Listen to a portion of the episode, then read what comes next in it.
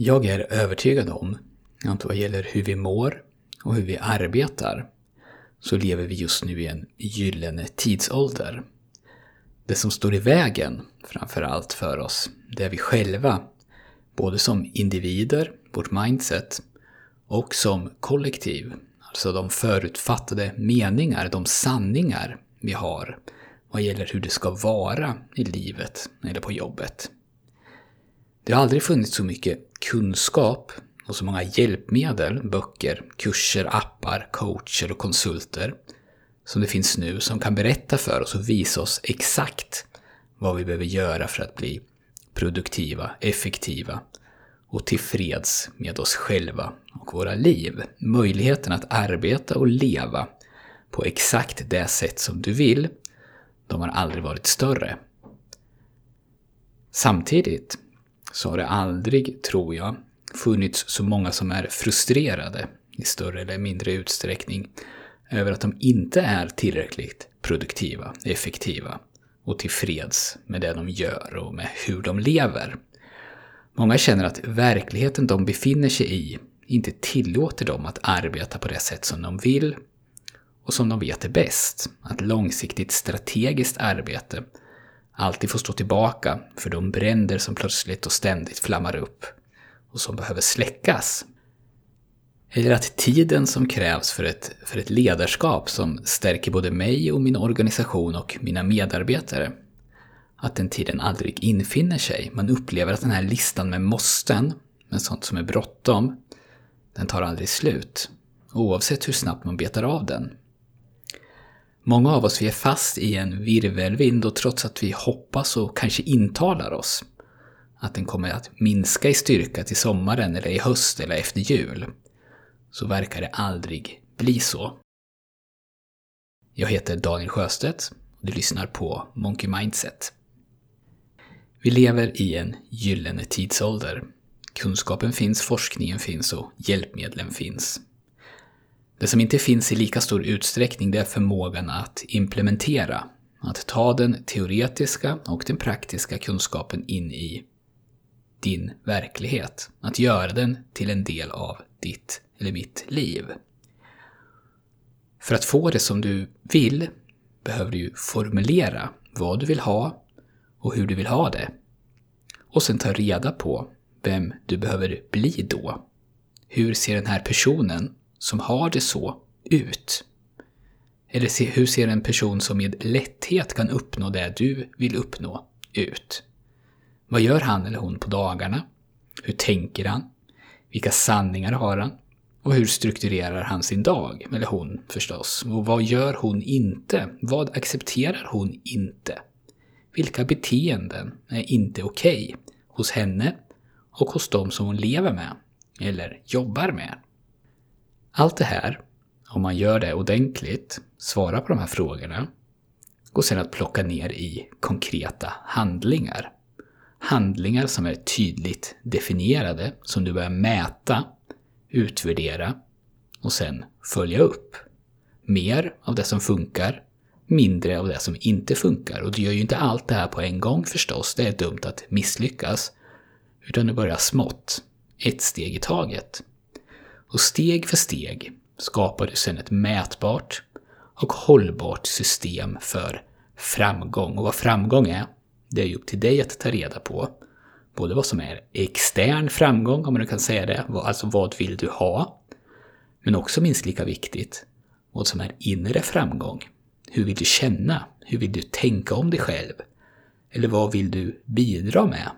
Hur vill du att andra ska beskriva din karaktär? Min bakgrund är på ett sätt väldigt vanlig och traditionell. Till utbildningen så är jag civilekonom och journalist och jag har jobbat i bägge de här rollerna. På ett annat sätt så är min bakgrund lite annorlunda, för i ungefär åtta år var jag professionell pokerspelare. Och det är den tiden, tror jag, som har präglat mig mest. För poker är en värld som på ett sätt är väldigt rättvis. Det enda som betyder någonting är resultatet du skapar. Ingen bryr sig om hur mycket du har att göra, eller vilken utbildning du har, eller vem din mamma och pappa känner, eller hur mycket status du har i gruppen. Och det finns inga arbetsuppgifter att, att gömma sig i. Och om du försöker så blir du snabbt blottad eftersom resultatet då uteblir. Och resultatet är ju mätbart. Och det är det enda som bestämmer om du överhuvudtaget får betalt för att jobba, om du får lön. Och alternativet är att bli en av majoriteten, en av de där 95 procenten av alla pokerspelare som får betala för nöjet att spela. De går alltså back. Och ditt resultat i poker, det kommer av besluten du fattar. Är besluten lönsamma? Eller är de olönsamma? Och det går att räkna ut på kronan. Men precis som i livet så är det ju lätt att bli lurad. Beslut som är rätt, alltså lönsamma, de kan skapa kortsiktiga förluster. Och beslut som är fel, olönsamma, kan skapa kortsiktiga vinster. För slumpen finns ju alltid där och slumpen i poker, den är inte för de lättskrämda. Tiotusentals händer och ibland mer, hundratusen händer. Det slumpen är det som styr ditt resultat. Veckor och ibland månader av spel. Där din prestation, alltså hur bra dina beslut har varit, inte återspeglas av hur mycket pengar du har i din kassa.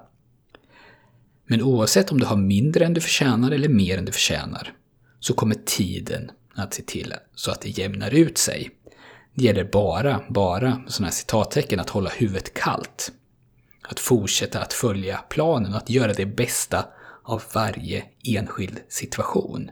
Fokusera på att här och nu fatta det beslut och utföra de handlingar som du vet på sikt är bäst för det du vill åstadkomma. Och det är ju som du säkert vet väldigt svårt. För på kort sikt styr ju annat än logik. Inte bara i poker, på kort sikt är det lätt att svepas med av känslor eller distraktioner. Att vilja ge upp, eller att börja om, eller att direkt när motgångarna kommer bestämma sig för att prova någonting annat. Att avbryta det här försöket till förändring och gå tillbaka till att göra så som man alltid har gjort. Som alla andra gör. De 95 procenten. Det är bekvämt. Och ingen kommer troligtvis att syna dig, förutom möjligen du själv. För du vet ju innerst inne att du bluffar. Frustrationen, den finns ju kvar. På lång sikt, däremot, så styr fakta. Då är det det sammanlagda värdet av dina handlingar som bestämmer ditt resultat. Kontinuerliga handlingar med ett högt värde ger ett bra långsiktigt resultat. Kontinuerliga handlingar med ett lågt värde ger ett sämre långsiktigt resultat, eller kanske till och med ett negativt resultat. Det spelar ingen roll hur upptagen du har varit. Du kan ha jobbat 60 timmar i veckan, men när året summeras så är du kvar på samma ställe som du var när året började. För det är värdet på dina handlingar som ger dig det resultat som du får. Och poker och livet skiljer sig inte i den meningen. För mig så var det jackpot att komma till en miljö som var mätbar. Det passade mitt sinne och det sätt som jag fungerar på. Så jag började mäta och systematisera. Och eftersom jag är som jag är då, så började jag att experimentera. Vad händer till exempel om jag inför en ritual där jag fem minuter innan jag ska spela påminner mig själv om vad som är viktigt och vad jag ska tänka på, en checklista liknande den som piloter har när de ska starta. Eller vad händer om jag mellan varje session tar en, en skogspromenad på 10 minuter? Eller hur påverkar längden på spelsessionerna kvaliteten på mina beslut? Är det bättre att spela 5 timmar per dag, 7 dagar i veckan? Eller 7 timmar per dag, 5 dagar i veckan? Eller vilken typ av motion är bäst för att vara mentalt skarp så länge som möjligt? Eller kan jag frigöra mental energi genom att äta samma lunch varje dag? Eller att klä mig på samma sätt varje dag? Och hur ska balansen mellan att spela poker och att plugga poker se ut? Vad är bäst för prestation och vad är bäst för motivation? Massor av sådana här frågor som jag ställde och testade. Hur skapar man en miljö som är så gynnsam som möjligt för att kunna fokusera? Och så vidare. Och innan jag fortsätter nu så ska jag väl erkänna att den här, den här tiden, den kan på många sätt liknas vid lumpen. Alltså så här i efterhand så är det ju lätt att bara komma ihåg det som var bra och jag överdriver och jag förenklar när jag berättar om hur jag jobbade och tänkte, alltså hur systematiserad jag var. Och det finns självklart stora svarta hål där jag än idag, hur mycket jag än försöker att systematisera, inte har koll på i mitt liv. Och i perioder så kämpar jag förstås med andra saker. Alltså dels min egen mentala hälsa i någon mening. Jag hade, hade ju utbildningar, två högskoleutbildningar, men valde att bli gambler. Höll jag på att kasta bort hela min framtid. Den rädslan var i perioder stark. Men framförallt så kämpar jag med att röra mig mellan de olika världarna som jag levde i. Att kunna släppa jobbet, om man nu kan kalla det för jobb. Och sen vara en bra man till min fru och en bra pappa till mina barn. Och en bra person i allmänhet. Och när jag sen börjat anlita egna coacher och när jag började utbilda mig inom coachning och mental träning. Och från början gjorde jag det här bara för min egen skull, men när jag gjorde det så märkte jag att det fanns utarbetade metoder. Relativt enkla saker. Som om man gjorde dem faktiskt hjälpte. Som minskade stressen. Som hjälpte mig att fokusera bättre. Som förbättrade min återhämtning. Och så vidare. Så jag, jag kunde blanda teori med min egen praktik. Så jag jobbar med mitt mindset, jag jobbar med min miljö och jag jobbar egentligen med allt som jag kunde komma på som skulle kunna påverka hur jag presterade, hur jag mådde och hur jag fungerade i relation med mig själv och i relation med andra. Och sen när jag började arbeta med annat, med att coacha och utbilda och så vidare, så märkte jag att det som jag hade kämpat med och de frågor som jag hade försökt att besvara, som jag trodde var specifika för det annorlunda yrket som jag hade, det var i grunden samma saker, samma frågor som de flesta kämpar med. Och jag märkte att de lösningar som jag kom med faktiskt fungerade. De behövde ju självklart anpassas till varje individ, men sättet att tänka, metoden jag använde för att ta mig an det här problemet, gav resultat.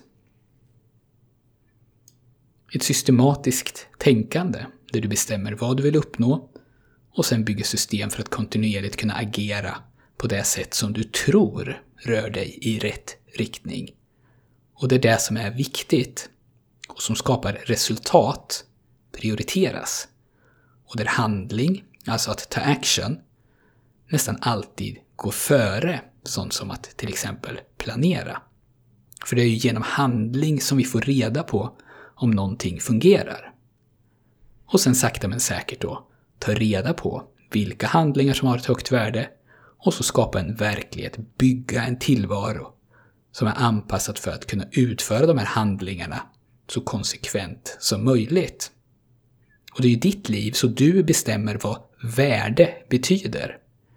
Du har faktiskt rätt att bestämma vad som är viktigt i ditt liv. Och det enda som du egentligen vet, om du jobbar så här, det är att det som du kommer göra, dina handlingar, inte kommer att vara perfekta. De kommer aldrig att bli perfekta.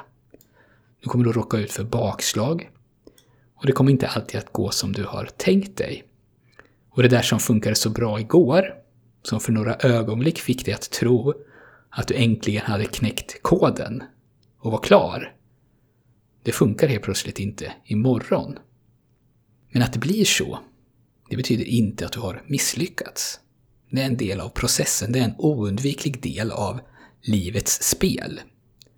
Och när du accepterar det så kan du bli fri.